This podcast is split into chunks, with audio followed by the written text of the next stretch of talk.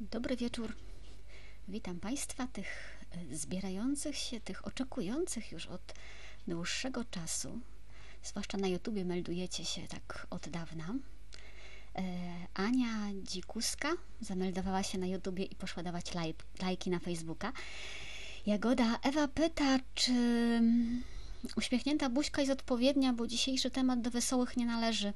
Wiecie, e, on nie należy do wesołych, ale wcale bym nie chciała, żeby to był temat ponury. Ja bym chciała, żeby dzisiaj było spokojnie i rzeczowo i tylko na marginesie tych e, bieżących wydarzeń, żebyśmy spróbowali sobie pewne rzeczy uporządkować, a nie żeby, żeby grać emocjami. Marta się wita, Tadeusz, Irena, Barbara, Barbara pyta smutny ten wieczór na granicy, gdzie się podział Bóg w naszych sercach. Beata mówi dobry wieczór. Padre Lech wita się, prywatnie mi mówi, że się nie może doczekać, kiedy będzie 21.15. Mówię, że moje koty też nie, bo zawsze jeść dostają o tej porze. Ania się wita, Marzena się, Małgorzata się wita, Aleksandra, a Aleksandra się melduje, że dzikuska to ona. Dobrze, i tak Was nie zapamiętam wszystkich, chociażbym bardzo chciała. E, Monika, Ewa, Agnieszka, Jolanta, Piotr, tak w skrócie, dobrze Was wszystkich widzieć. E, chociaż jeszcze wakacje, to już deszczowo się zrobiło. Podejrzewam, że powoli wracacie, więc więc będzie Was tutaj więcej na żywo, chociaż wiecie, że to i tak się liczy, jak odsłuchujecie potem na spacerach, podczas biegania, podczas gotowania. E, dzień dobry, 156 odcinek, e, poniedziałek, 23 sierpnia. Przypominam o lajkach, udostępnieniach, subskrypcjach na YouTubie. To wszystko jest ważne również dlatego, żeby ten film docierał do następnych odbiorców. Wiecie, że nawet jak ktoś tutaj zabłądzi przypadkiem, tak ze dwa odcinki i się orientuje, że to nie jest dla niego miejsce, więc spokojnie można nowych ludzi zapraszać, y, będą się tutaj pewnie dobrze czuć, a jak źle to sobie pójdą. Rozkład jazdy na dziś y, w sumie o jednym, ale ostatecznie o trzech rzeczach. Po pierwsze, czy broniąc Polski przed zalewem uchodźców w cudzysłowie, rzeczywiście jesteśmy patriotami? Po drugie, czym jest dehumanizacja i dlaczego jest niebezpieczna? I po trzecie, y, co kryzys, z którym mamy w tej chwili do czynienia, może zrobić z naszym sumieniem? To są te kwestie, które budowane są na tym, co się dzieje na granicy i wokół tej granicy, y, ale co dotyczy nas i co dotyczy, dotyczy konkretnie naszej moralności. To jest program Reportaż z Wycinków Świata. Monika Białkowska. Zapraszam. Hmm. Agnieszka melduje się, że dawno nie oglądała na żywo. Witamy, Agnieszka. Powiem Wam tak, że tak naprawdę to chciałabym uciec od tego tematu uchodźców, bo kosztuje mnie to emocjonalnie bardzo dużo, ale nie ucieknę. Y, pozostawiam tylko trochę dzisiaj z boku świadomie te relacje, co tam się dzieje na żywo, dlatego że pewnie je śledzicie, dlatego że też trudno jest czasem za tym nadążyć, a chciałabym zająć się tym właśnie, co ta sprawa może zrobić z nami. Chciałabym, żebyśmy się zajęli dzisiaj nie tyle polityką, co moralnością. Yy, dlatego yy, nawet jeżeli ktoś tutaj zabłądzi przypadkiem, to nie piszcie mi, że to Łukaszenka nasłał swój desant, bo y, ja i tak odpowiem i co z tego Łukaszenko nasłał swój desant, ale czy to w jakikolwiek sposób zmienia e, przykazania? W Ewangelii czytamy o miłości nieprzyjaciół, o miłości gwałcicieli, terrorystów, talibów. Przykro mi, ale na tym to właśnie, proszę Państwa, polega. E, dopóki nie mamy wrogów, dopóki się nie boimy, dopóki żyjemy w swoim bezpiecznym świecie, to chrześcijaństwo rzeczywiście może się wydawać taką fajną religią potężnych i ckliwych, nie? Można się modlić na kolanach przed figurą, e, można się spierać o ryty, e, można demonstrować swoją potęgę na manifestacjach, protestach i na różańcach do granic. Ale prawdziwy egzamin z chrześcijaństwa, czyli z wierności słowom Jezusa, ni mniej, ni więcej, tylko z wierności Jego słowom, zaczyna się dopiero tam, gdzie pojawia się wróg. Zaczyna się tam, gdzie się pojawia niebezpieczeństwo, gdzie się pojawia zagrożenie. Czy wtedy będziemy mówić o obronie, ochronieniu swoich, czy idziemy za Jezusem i za Jego. A co to za zasługa kochać swoich? Tamtego kochaj, wroga kochaj. I przykro mi, jeżeli się komuś e, nie będzie to podobać, Y, fakt, że prymas Wyszyński mówił, co jest chętnie cytowane, że najpierw trzeba zadbać o swój naród, to naprawdę nie znosi w niczym słów Jezusa. To Jezus był Bogiem, a nie kardynał Wyszyński. To słowa Jezusa są słowami objawionymi, a nie słowa kardynała Wyszyńskiego. Y, I z całym szacunkiem dla błogosławionego wkrótce kardynała Wyszyńskiego, on również mógł się mylić, a jego słowa były mocno osadzone w kontekście. Pierwszą więc rzeczą, o której chciałam dzisiaj powiedzieć, to jest ten dylemat chrześcijaństwo i patriotyzm. I co, jeżeli stajemy przed dylematem, czy bronić interesów państwa, czy przykazań Boga? One mogą być, czasem to się ze sobą składa, a czasem może być sobie przeciwne. I wiecie, to jest, mm, znaczy to byłoby zabawne, gdyby nie było takie smutne, bo kiedy idzie na przykład o aborcję, y, wierzący nie mają wątpliwości Mm, nie żaden interes społeczny nie usprawiedliwia ani aborcji, ani eutanazji. A jeśli chodzi o uchodźców, no też w końcu o życie, to już nagle tym życiem można grać.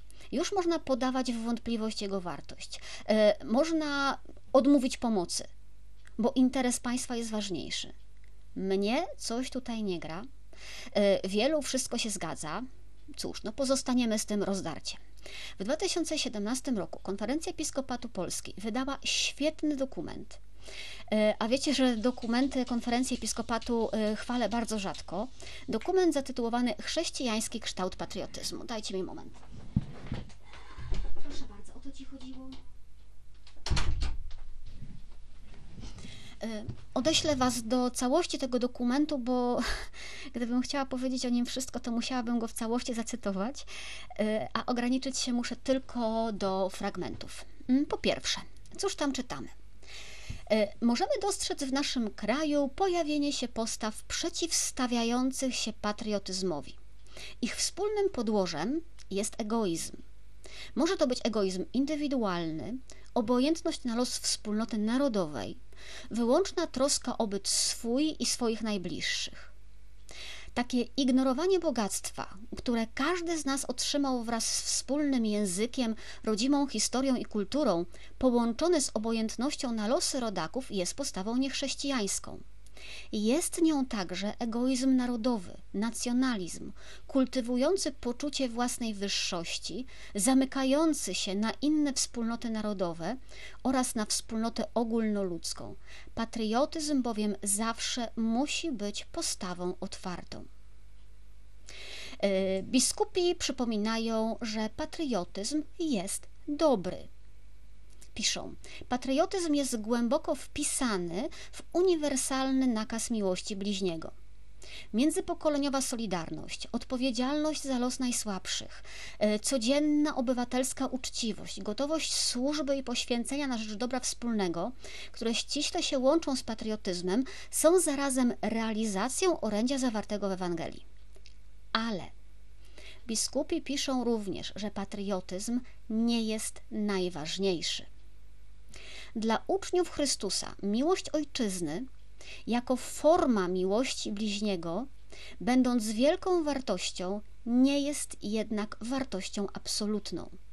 Dla chrześcijanina służba ziemskiej ojczyźnie, podobnie jak miłość własnej rodziny, pozostaje zawsze etapem na drodze do ojczyzny niebieskiej, która dzięki nieskończonej miłości Boga obejmuje wszystkie ludy i narody na ziemi.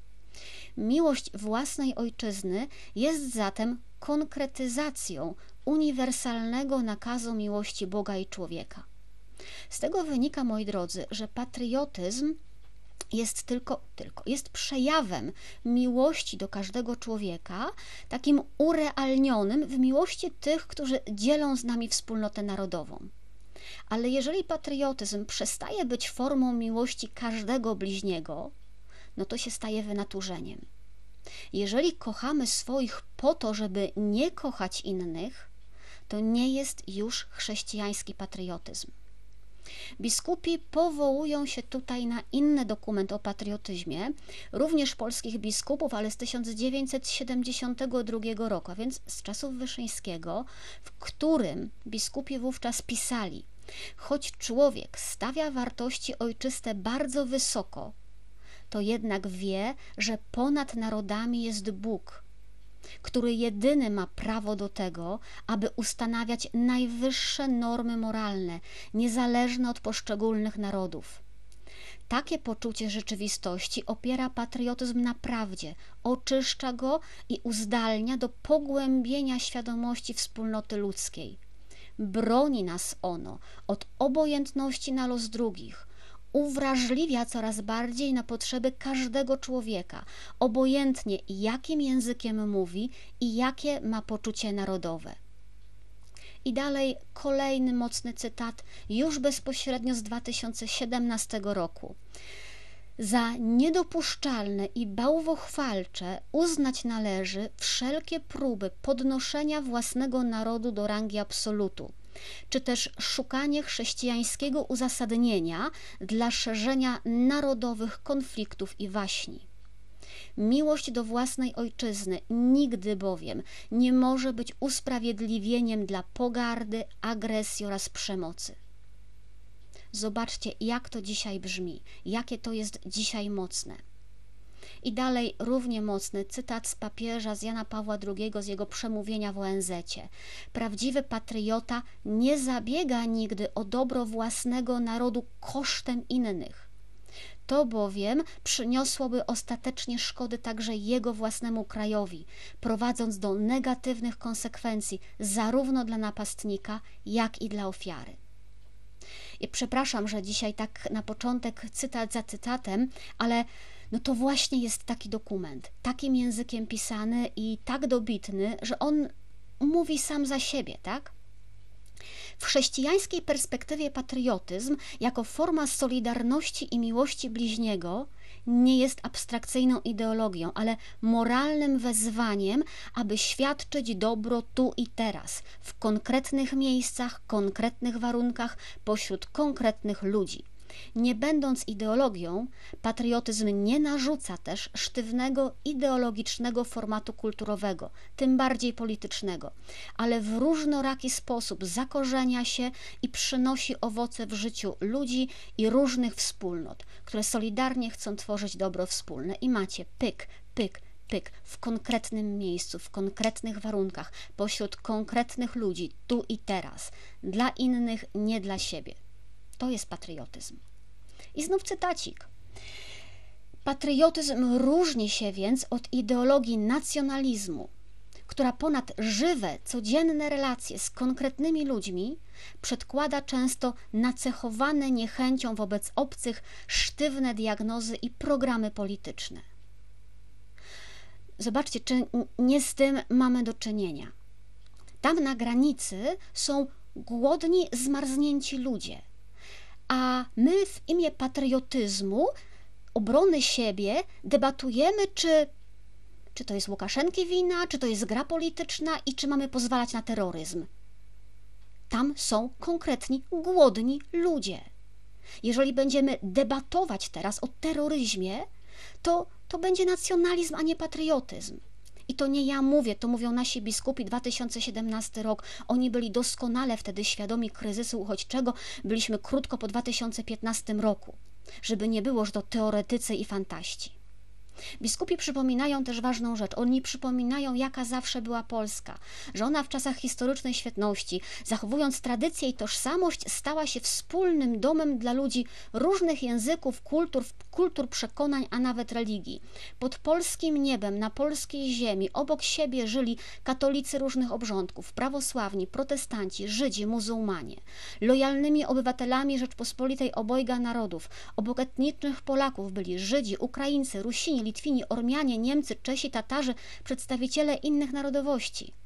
W czasach, gdy Europę trawiły wojny i prześladowania religijne, Rzeczpospolita pozostawała ostoją gościnności i tolerancji. Dzięki temu ukształtował się w polskiej kulturze model patriotyzmu gościnnego, włączającego, inspirującego się najlepszym dorobkiem sąsiadów i całej chrześcijańskiej europejskiej kultury. Patriotyzmu, dzięki któremu Polakami stawali się ci, którzy Polakami zostać chcieli, bez względu na swoje pochodzenie czy pochodzenie przodków. Mam wrażenie, że to zgubiliśmy że się daliśmy omamić jakąś ideologiczną, nacjonalistyczną wizją Polski dla Polaków. I wiecie, co straciliśmy? Y, chyba już straciliśmy w ogóle tę umiejętność i w ogóle wyobraźnię włączania innych. Teraz już nam się wydaje, tak jak nam kazano, że jak wpuścimy innych, to nas zaleją i zniszczą. Y, więc się próbujemy w naturalny sposób bronić ale w ten sposób nadal pozostajemy w tej samej grze. Albo Polska będzie nasza, albo przestanie istnieć. A my, mam wrażenie, powinniśmy sobie robić dzisiaj po prostu szybkie lekcje z integracji. Powinniśmy sobie szybko przypominać, jak to się robiło, że żyli obok siebie różni ludzie, że ubogacali się, że wszyscy razem budowali jeden kraj. Bo to się wydaje dzisiaj trochę niewykonalne. Się wielu będzie wydawało wręcz absurdalne, nie? Bo terrorystów chcemy wpuścić. Pokaż, że ten człowiek jest terrorystą. Ten konkretny, głodny, nie mogący się wysikać. Wtedy będziemy rozmawiać. E, to pokazuje, słuchajcie, jak, e, jak bardzo daliśmy sobie ukraść to, co znaczyła Polska. E, jak mocno zniszczyła nas ta narracja, w której inny zawsze był gorszym. Mm, nie wiem, dla mnie to jednak trochę wstyd bronić tamtych skompromitowanych jednak wartości. Nie? Polska dla Polaków, ziemia dla ziemniaków, księżyc dla księży. Tak to była. Byłam dzieckiem, kiedy się dziwiłam, jak widziałam takie napisy na gdzieś w przejściu podziemnym w dużym mieście. E, czy jest w dokumencie e, mowa o roztropności? E, Magda mówi, że przeskakuje, aha, to do Pana było, myślałam, że ja przeskakuję z tematu na temat. Ja na razie cytuję biskupów. Czy jest w tym dokumencie mowa o roztropności, bo takie hasło się też często pojawia i, i wielu ludzi się na to powołuje, tych obrońców granic. Oczywiście, że jest mowa o roztropności. Posłuchajcie. Celem roztropnej polityki historycznej jest bowiem jednoczenie ludzi wokół wspólnego dobra, wzmacnianie więzi międzyludzkich i poczucia wspólnoty duchowych wartości ponad różnicami i podziałami. Tu jest mowa o roztropności.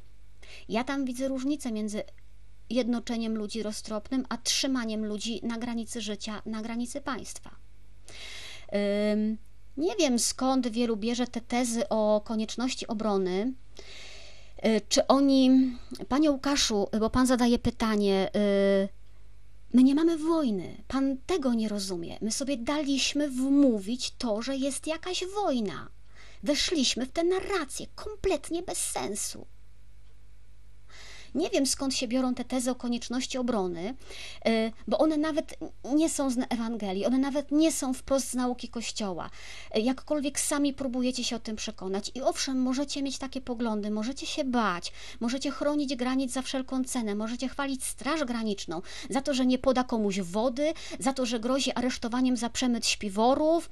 Y, możecie uważać, że, że takiego państwa chcecie, ale macie prawo tak, tak sądzić, ja wam tego, tego prawa nie odbieram i i staram się tego nie oceniać, ale nie uzasadniajcie tego chrześcijaństwem. Nie mówcie o tym, że podanie komuś wody i podanie komuś śpiwora jest równoznaczne z obroną granic Polski przed wojną, bo to jest po prostu absurd. I to jest absolutnie fałszywa wizja chrześcijaństwa, która się doskonale, jak widać, potrafi obyć bez Jezusa, bez Jego słów, bez Ewangelii, za to z narodem, ojczyzną i granicami postawionymi w miejscu Boga.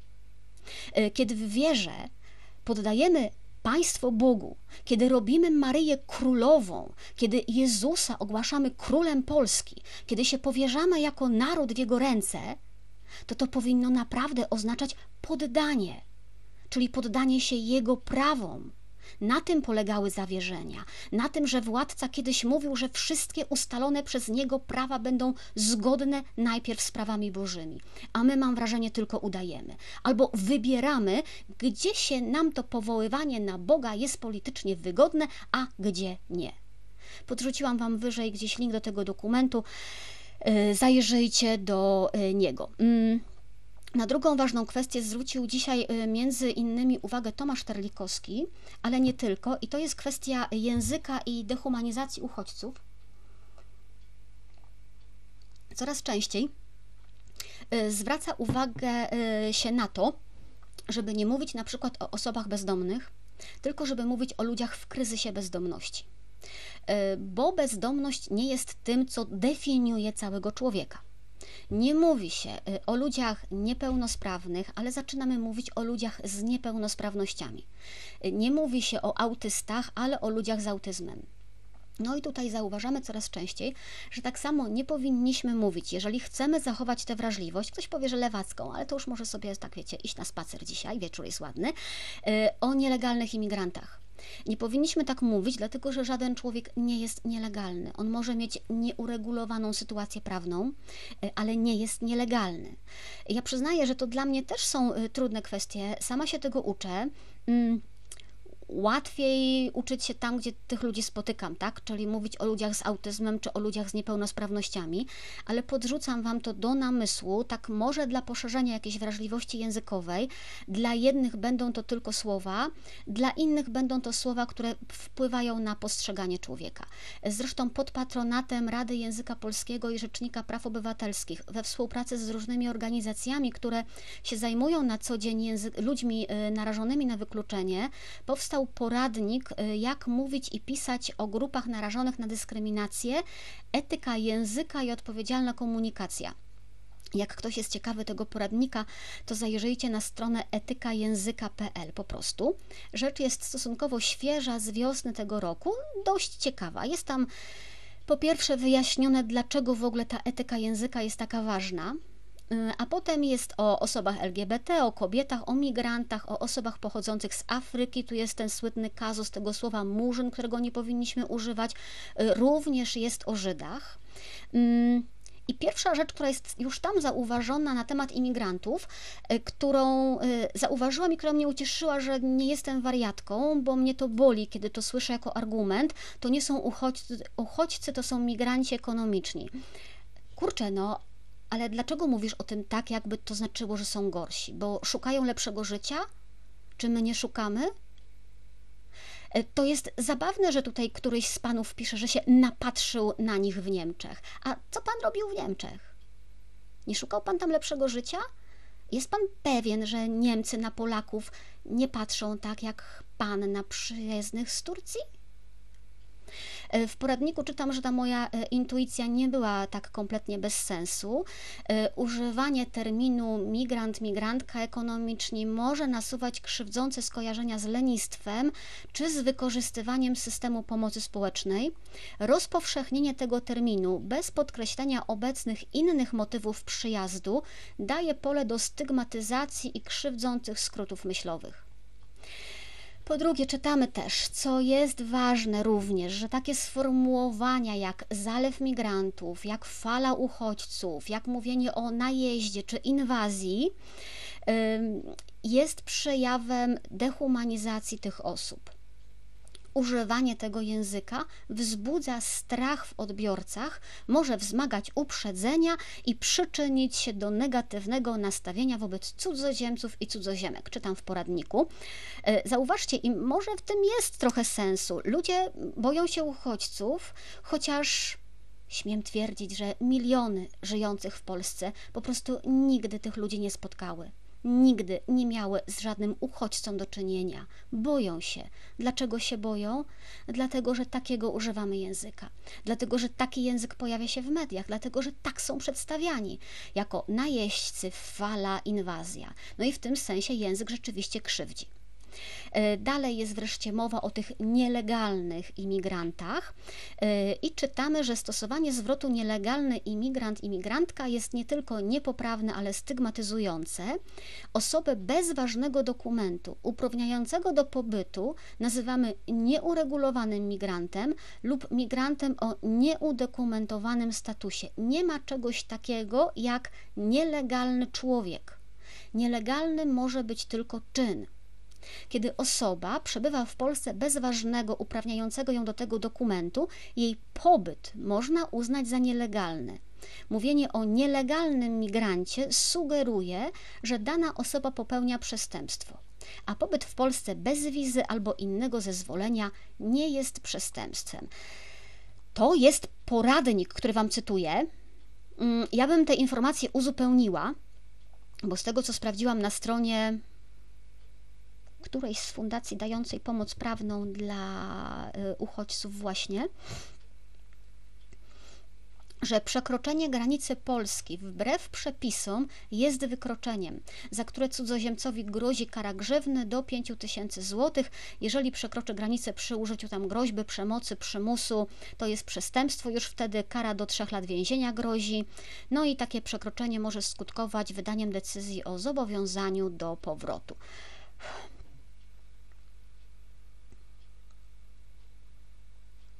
Tomasz Terlikowski zauważa. Wiecie, mi jest trudno w tej chwili czytać komentarze. Mm, ja się tylko odniosę na szybko. E, proszę pamiętać, że jak panią ktoś napadnie, to nie wolno się bronić, tylko przyjąć atak z miłością. Panie Łukaszu, proszę mi wytłumaczyć, w jaki sposób czuje się pan zaatakowany przez nie mogącą się wysikać i nie, nie jedzącą od nie wiadomo ilu dni kobietę. Proszę mi wytłumaczyć, bo my mówimy, pan mówi o systemie a ja mówię o konkretnym człowieku. W jaki sposób ta konkretna kobieta pana zaatakowała? Yy, Tomasz Terlikowski zauważa, że ta depersonalizacja na poziomie języka dokonuje się na przykład w przypadkach aborcji, e, gdzie się mówi o e, zbitkach komórek albo o embrionach i dzisiaj o uchodźcach wielu będzie próbowało mówić jako o broni demograficznej albo o mięsie armatnim Putina. I to naprawdę nie ma znaczenia. Jak niektórzy w komentarzach próbują przekonywać, kto zdepersonalizował tych ludzi jako pierwszy e, i że to był reżim białoruski. Człowiek, każdy z nas, każdy z nas jest człowiekiem na własny rachunek. I obawiam się, że na sądzie ostatecznym argument, ale to Łukaszenko zaczął, ale to była wojna hybrydowa, ale siedzę w swoim wygodnym domu przed komputerem i musiałem się bronić, ten argument może, proszę Państwa, nie zadziałać. Nawet jeżeli Łukaszenko podrzucił ich na granicę, jeżeli ich tam zostawił, jeżeli skasował pieniądze za handel ludźmi, to nadal jeden każda będąca tam osoba jest głodnym i zmarzniętym i nie mogącym się wysikać w kulturalnych warunkach człowiekiem. Nadal. Dlatego nadal niemoralne będzie ich bicie, głodzenie i utrudnianie kontaktu z ludźmi, którzy próbują się o nich czegoś dowiedzieć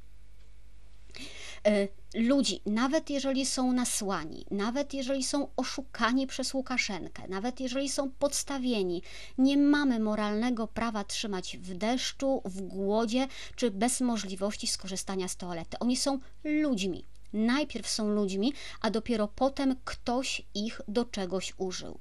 I to wcale nie chodzi o to, żeby ich wszystkich wpuszczać, żeby otworzyć, zlikwidować granice, ale chodzi o to, żeby najpierw potraktować ich jak człowieka. Zostali bez jedzenia, bez picia, bez namiotu, z zagłuszaniem każdej próby kontaktu. To jest cywilizacja, to jest państwo. I co, w tym cywilizowanym państwie teraz. Yy, będziemy decydować o tym, kto naprawdę potrzebuje pomocy, będziemy to rozstrzygać y, bezpośrednio na granicy, na oko Straży Granicznej, y, po ubraniu, po klasie telefonu. Tak to chcemy rozwiązywać? Takie chcemy przyjąć kryteria? Kryteria są. Wpuszczamy, rozstrzygamy, czy jest uchodźcą, czy nie i odsyłamy. Ktoś pisze, tu nie chodzi o osoby, tylko o precedens i otwarcie kanału przerzutowego. Cóż, ja życzyłabym pani, która to napisała, żeby się nigdy nie znalazła w takiej sytuacji, naprawdę. E, żeby się nie znalazła w sytuacji, to nie chodzi o osobę, tylko chodzi o system. Kiedy pielęgniarka albo lekarz odejdzie od pani łóżka albo od łóżka umierającego rodzica, bo będzie strajkować w obronie y, stanu polskiej służby zdrowia i powie: No trudno, wybaczcie, to nie chodzi o osobę, tu chodzi o system. Może ta jedna umrze, ale dzięki temu wygramy polepszenie warunków leczenia dla reszty. Tu nie chodzi o osoby, tu chodzi o precedens, otwarcie kanału przyrzutowego. O osoby też chodzi, o człowieka. Jeżeli wiemy, że lekarz, że pielęgniarka nie ma prawa postawić systemu ponad życiem człowieka, to dlaczego takie prawo ma Straż Graniczna? Jedni i drudzy walczą o coś dla innych, dla społeczeństwa. Jedni i drudzy poświęcają konkretnego człowieka. Jednych hejtujemy, drugim klaszczemy. Dlaczego? bo jedni robią dla naszych, a drudzy dla obcych. Nie ma tu innego kryterium. Tu nie chodzi o osoby, tylko o kanał przerzutowy. My się po prostu boimy. Boimy się i dlatego znajdujemy sobie mądre uzasadnienia, e, żeby sami przed sobą nie wydać się nieludzcy, ale do kwestii sumienia jeszcze, jeszcze dojdziemy. Mm, chciałabym przy tej dehumanizacji jeszcze zostać na chwilę. Będę się powoływać tutaj na różne znalezione na ten temat prace naukowe, więc jeżeli z tym chcecie dyskutować, to nie na poziomie, ale ja myślę inaczej, dobra? Bo to są, bo to są prace y, profesorów i z, różnych uczelni. Y, według słynnego zresztą profesora y, Zimbardo, dehumanizacja jest takim konstruktem, który ma kluczowe znaczenie dla zrozumienia nieludzkiego traktowania człowieka przez człowieka. Ta dehumanizacja występuje wtedy, kiedy pewne istoty ludzkie uważają inne istoty ludzkie za wykluczone z kategorii moralnej, jaką stanowi osoba ludzka. Obiekt te, obiekty tego procesu psychicznego tracą w oczach tych, którzy ich dehumanizują, w ogóle status ludzki. Przez uznanie pewnych jednostek albo grup za pozbawione człowieczeństwa, ci, którzy dokonują tej dehumanizacji, zawieszają moralność, jaką zazwyczaj rządzi się przemyślen, jak, jaką zazwyczaj rządzi przemyślanymi działaniami wobec ludzi. W każdym razie rozumiecie o co chodzi. Zaplątałam się. Y, w momencie, kiedy uznamy, że ktoś nie jest do końca człowiekiem, to uważamy, że mamy prawo zawiesić wszystkie zasady moralne i postępować wobec nich niemoralnie. E, podobny mechanizm opisuje e, Alan Bandura, to jest kanadyjski psycholog, który w, pewne, w swoich eksperymentach wykazał, że pewne sytuacje sprzyjają e, odłączeniu własnej moralności przy takim jednoczesnym poczuciu, że wypełniamy normy moralne przyjęte w społeczeństwie, w procesie socjalizacji. Moje osobiste są wyłączone, bo przyjmuję jakieś inne zewnętrzne normy społeczne. I w ten sposób się uruchamiają w człowieku mechanizmy, które pozwalają usprawiedliwić przemoc.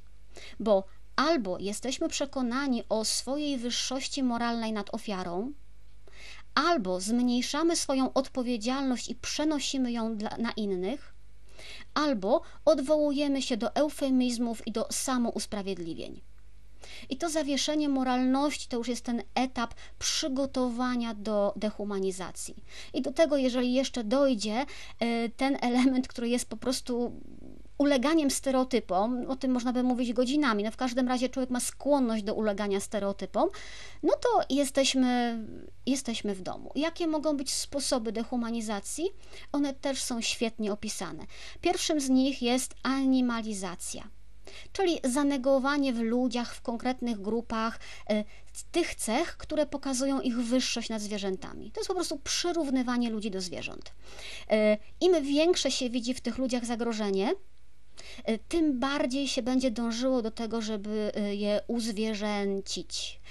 Będzie się na przykład mówiło o nich, no nie powiemy, że psy, nie od razu, ale będziemy mówili o dzikich bestiach. Będziemy się też posługiwali kategoriami rasy albo kategoriami gatunku, nie? bo to jest jakiś taki inny gatunek człowieka. Drugim typem dehumanizacji jest demonizacja. Z tym mieliśmy do czynienia, kiedy lęk przed kimś był taki wielki, że walkę z nim czy zniszczenie tego kogoś to była jak walka wprost z demonami, z czystym złem. Z tego procesu się brały między innymi polowania na czarownice, ale Zobaczcie, czy w oczach wielu y, wyznawcy islamu nie są właśnie takim złem wcielonym, takim czystym szatanem. Czy wielu nie będzie widziało y, jakby w całości ich y, czystego zła, które trzeba zniszczyć, którego zniszczenie będzie wręcz cnotą. Trzecim typem dehumanizacji jest biologizacja. Będziemy tu mówić o odróżnianiu ludzi czystej krwi, e, ale też będą metafory odnoszące się do wirusa, choroby, zarazy, raka trawiącego społeczeństwo, jakiegoś zakażenia w czystej tkance społecznej.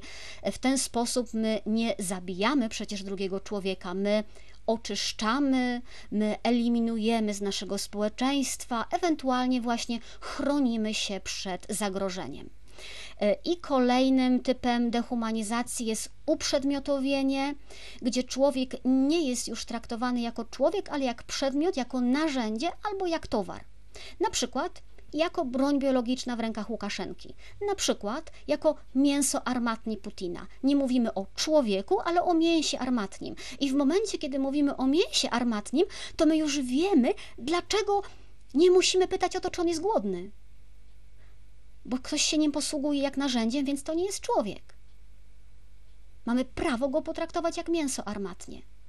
Otóż nie, nawet jeżeli Putin czy Łukaszenka traktują ich jak mięso armatnie, my mamy obowiązek potraktować ich jak ludzi. Inaczej sami stajemy się wspólnikami bandytów w, w dehumanizacji kolejnych grup społecznych.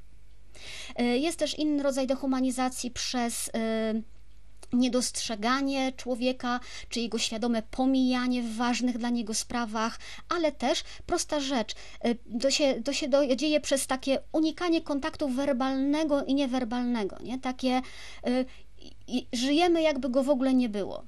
I w sumie trochę też z tym mamy dzisiaj do czynienia, y, jeżeli, i to nie tylko wobec uchodźców, zauważcie, że, że słyszymy o tym, że, że Straż Graniczna udaje głuchych, że nie słyszy, co się do nich mówi i w ogóle nie odpowiada.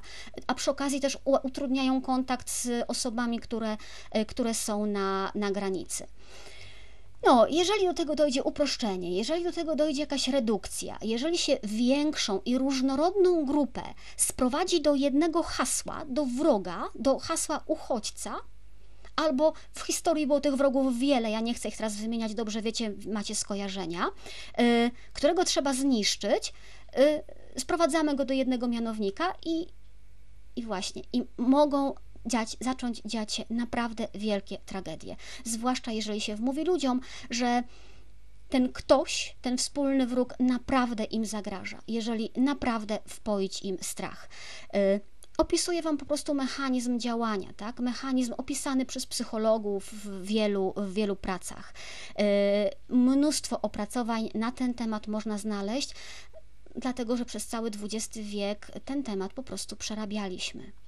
Yy, krótki mam dla Was cytat z artykułu Obrazy wroga, propaganda a ludobójstwo w XX wieku.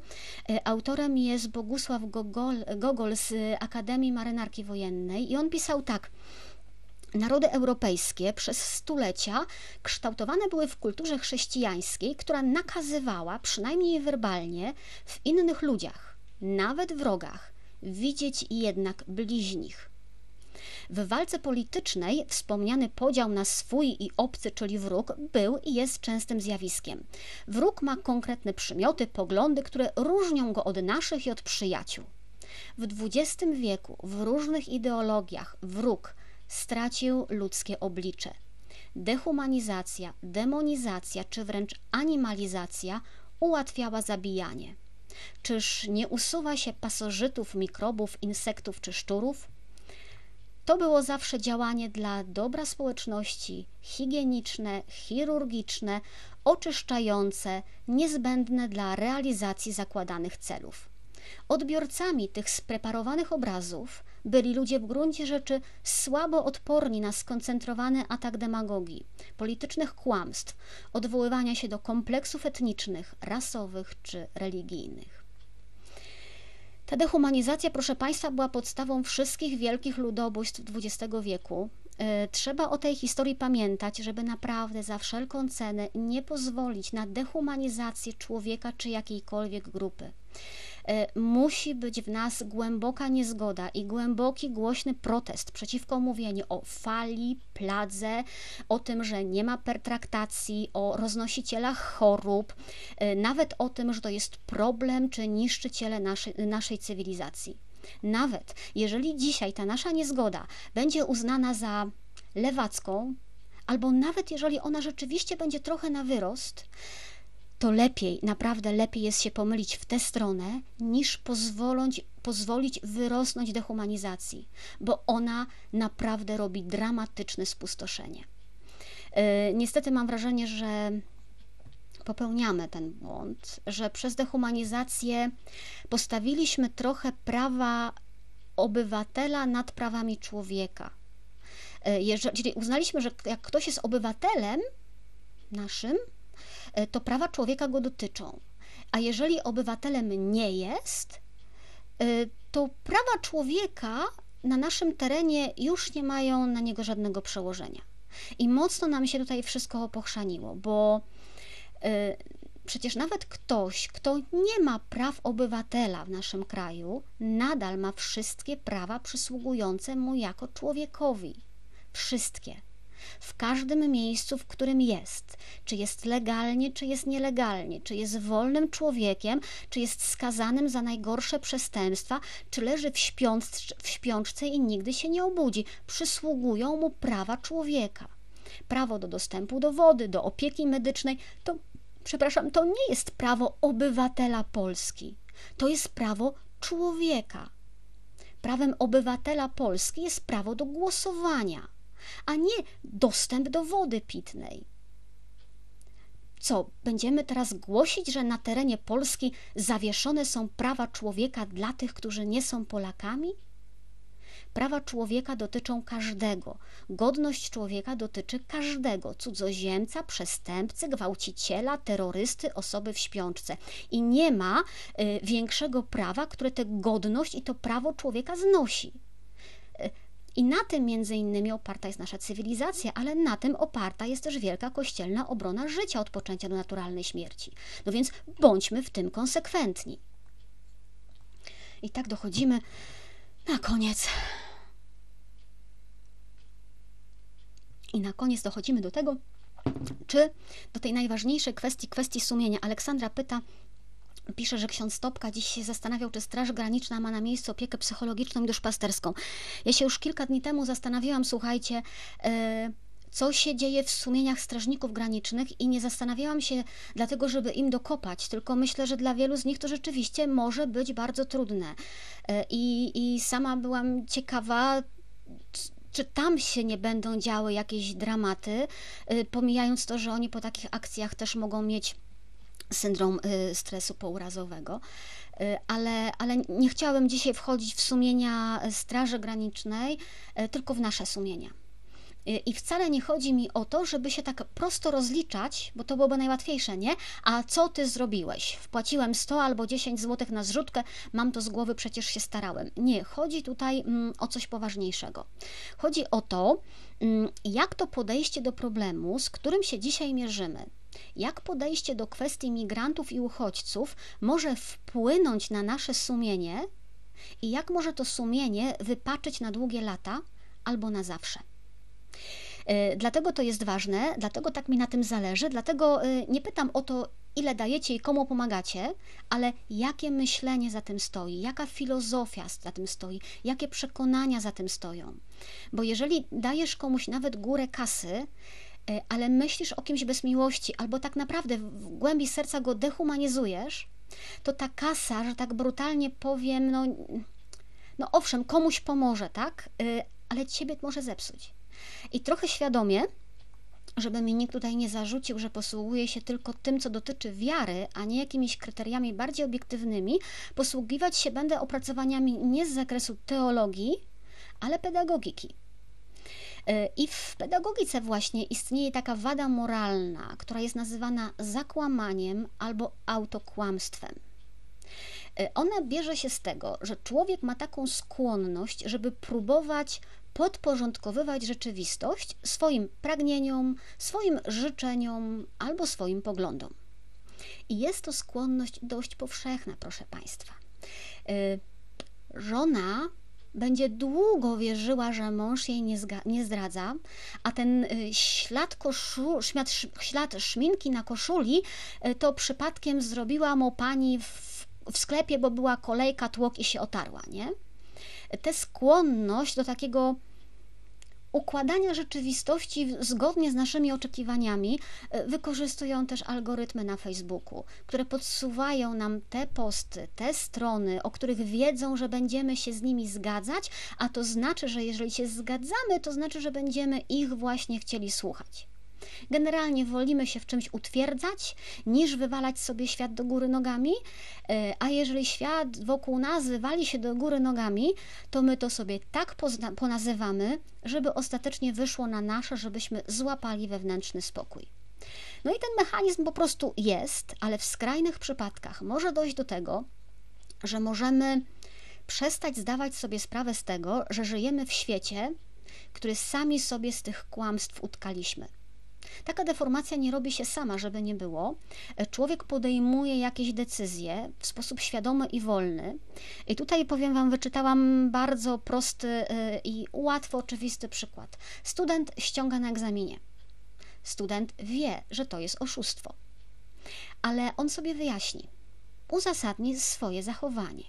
No, chciał dać wyczerpującą odpowiedź, bo zależy mu na stypendium, a przecież jak będzie miał stypendium, to odciąży rodziców finansowo, więc w sumie będzie z tego dobro. Wykładowca nie pilnował sali, więc widać dał przyzwolenie, a poza tym inni też ściągali, no więc ostatecznie zrobił dobrze. No, w najlepszym przypadku, no nie zrobił źle. Prosty mechanizm? No niech pierwszy rzuci kamieniem, e, kto tego studenta nie rozumie i kto nigdy nie znalazł się w podobnych dylematach.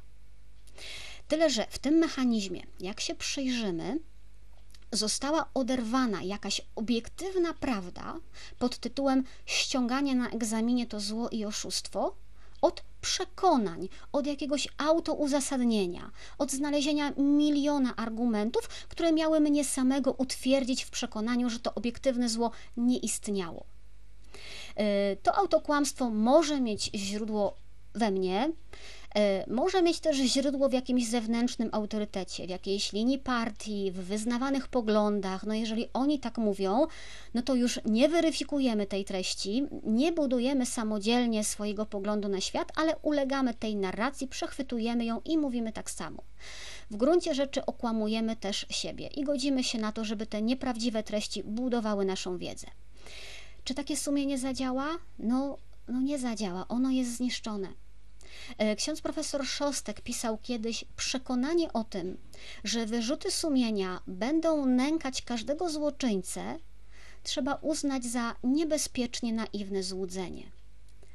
Zamknąwszy dostęp prawdy do siebie, człowiek zdolny jest dokonywać najokrutniejszych zbrodni w poczuciu moralnej niewinności, a nawet w przekonaniu o tym, że działa w imię prawdy którą sam najpierw się zniewolił. E, I na tym polega problem z sumieniem, że jeżeli zaczniemy się oszukiwać, jeżeli zaczniemy sobie wmawiać tysiąc uzasadnień, dlaczego dobrze jest trzymać tych ludzi na granicy, bez wody, bez środków higieny, jeżeli zaczniemy wierzyć, że tak trzeba, bo w tym jest jakiś wyższy interes, jeżeli samych siebie przekonamy, że słowa Jezusa, bardzo jednoznaczne, w określonych warunkach mogą ulec zawieszeniu, że polityka, stosunki międzynarodowe, wojna hybrydowa i mięso armatnie, to zniszczymy swoje sumienie. Przestaniemy się odwoływać wprost do słów Jezusa. Zniszczymy swoją osobistą wrażliwość na drugiego człowieka. I w kolejnych sytuacjach będziemy reagować coraz obojętniej. I ja wiem, że często w dyskusjach będzie się powtarzał argument o emocjonalności, o naiwności takiego mówienia. Proszę bardzo, uznajcie, że to jest naiwne i emocjonalne. Tylko wiecie, ja kiedyś, jeśli stanę na sądzie ostatecznym, to będę miała wgląd tylko we własne sumienie skonfrontowane z Bogiem i z Jego miłością. I tam już nie będzie nic innego będzie blask Ewangelii i moje osobiste wybory. To, jak myślałam o drugim człowieku, jak mówiłam o drugim człowieku i co dla niego zrobiłam. Czy byłam obojętna, czy nie byłam obojętna. Czy wychodziłam z miłością, czy znajdowałam wytłumaczenia, dlaczego tego zrobić nie powinnam. I tam się nie da zrzucić odpowiedzialności ani na Łukaszenkę, ani na Putina, ani na interes narodowy. Ja w to wierzę. Głęboko w to wierzę i tak będę żyć. A jeżeli ktoś żyje inaczej, to jest jego prawo, jego ryzyko, jego życie i jego wieczność. Pedagodzy mówią, że y, błędy sumienia trwale deformują nasze myślenie i działanie i że tylko my sami możemy sobie z nimi poradzić na płaszczyźnie intelektualnej, odwołując się do źródła swojej y, moralności na poziomie intelektualnym, odwołując się do źródła moralności. jeśli pierwszym i najważniejszym źródłem moralności jest Jezus Chrystus, to czytam Ewangelię i ona jest pierwsza. Owszem, uznaję, że dla kogoś pierwszym źródłem moralności może być konstytucja, może być kodeks karny, mogą być poglądy, nie wiem, Roberta Bąkiewicza albo Patryka Jakiego. Uznaję, szanuję, wasza sprawa. Nie jestem pewna, czy poglądy Roberta Bąkiewicza czy Patryka Jakiego prowadzą do zbawienia. Y, rozumiem też, że nie każdemu musi na tym zależeć. Ja wiem, y, za kim w tej kwestii idę. Informacyjnie już tylko dodam, że Caritas Archidiecezji Białostockiej udziela już wsparcia Afgańczykom, którzy byli ewakuowani z Kabulu polskim transportem. Tych ewakuowanych Afgańczyków w sumie ma być około 500. To są ludzie, którzy przez lata pomagali Polakom, polskim żołnierzom, e, dyplomatom w czasie misji w Afganistanie. Oni przylecą oczywiście z rodzinami. E, w tej chwili 50 osób jest w jednym z hoteli pod Białym Stokiem. E, są w trakcie kwarantanny. Caritas przekazała już środki higieny osobistej, przekazała też zabawki, przybory do pisania, do rysowania dla dzieciaków. Oczywiście Caritas nie ma dostępu dostępu do tej grupy przetrzymywanej na granicy. E, deklaruje, że jeżeli ci ludzie do Polski trafią, nie pozostaną e, bez opieki również ze strony Kościoła. Będziemy czekać na dalsze wieści. Mm, przypominam, że tylko do jutra trwa aukcja tego prawdziwego afgańskiego szala. Mm, dochód z aukcji jest przeznaczony na kobiety z Afganistanu, które uciekły już wcześniej do Grecji. E, na te same kobiety przeznaczona jest zrzutka, jeżeli dla kogoś szal już jest za drogi, a on już jest drogi.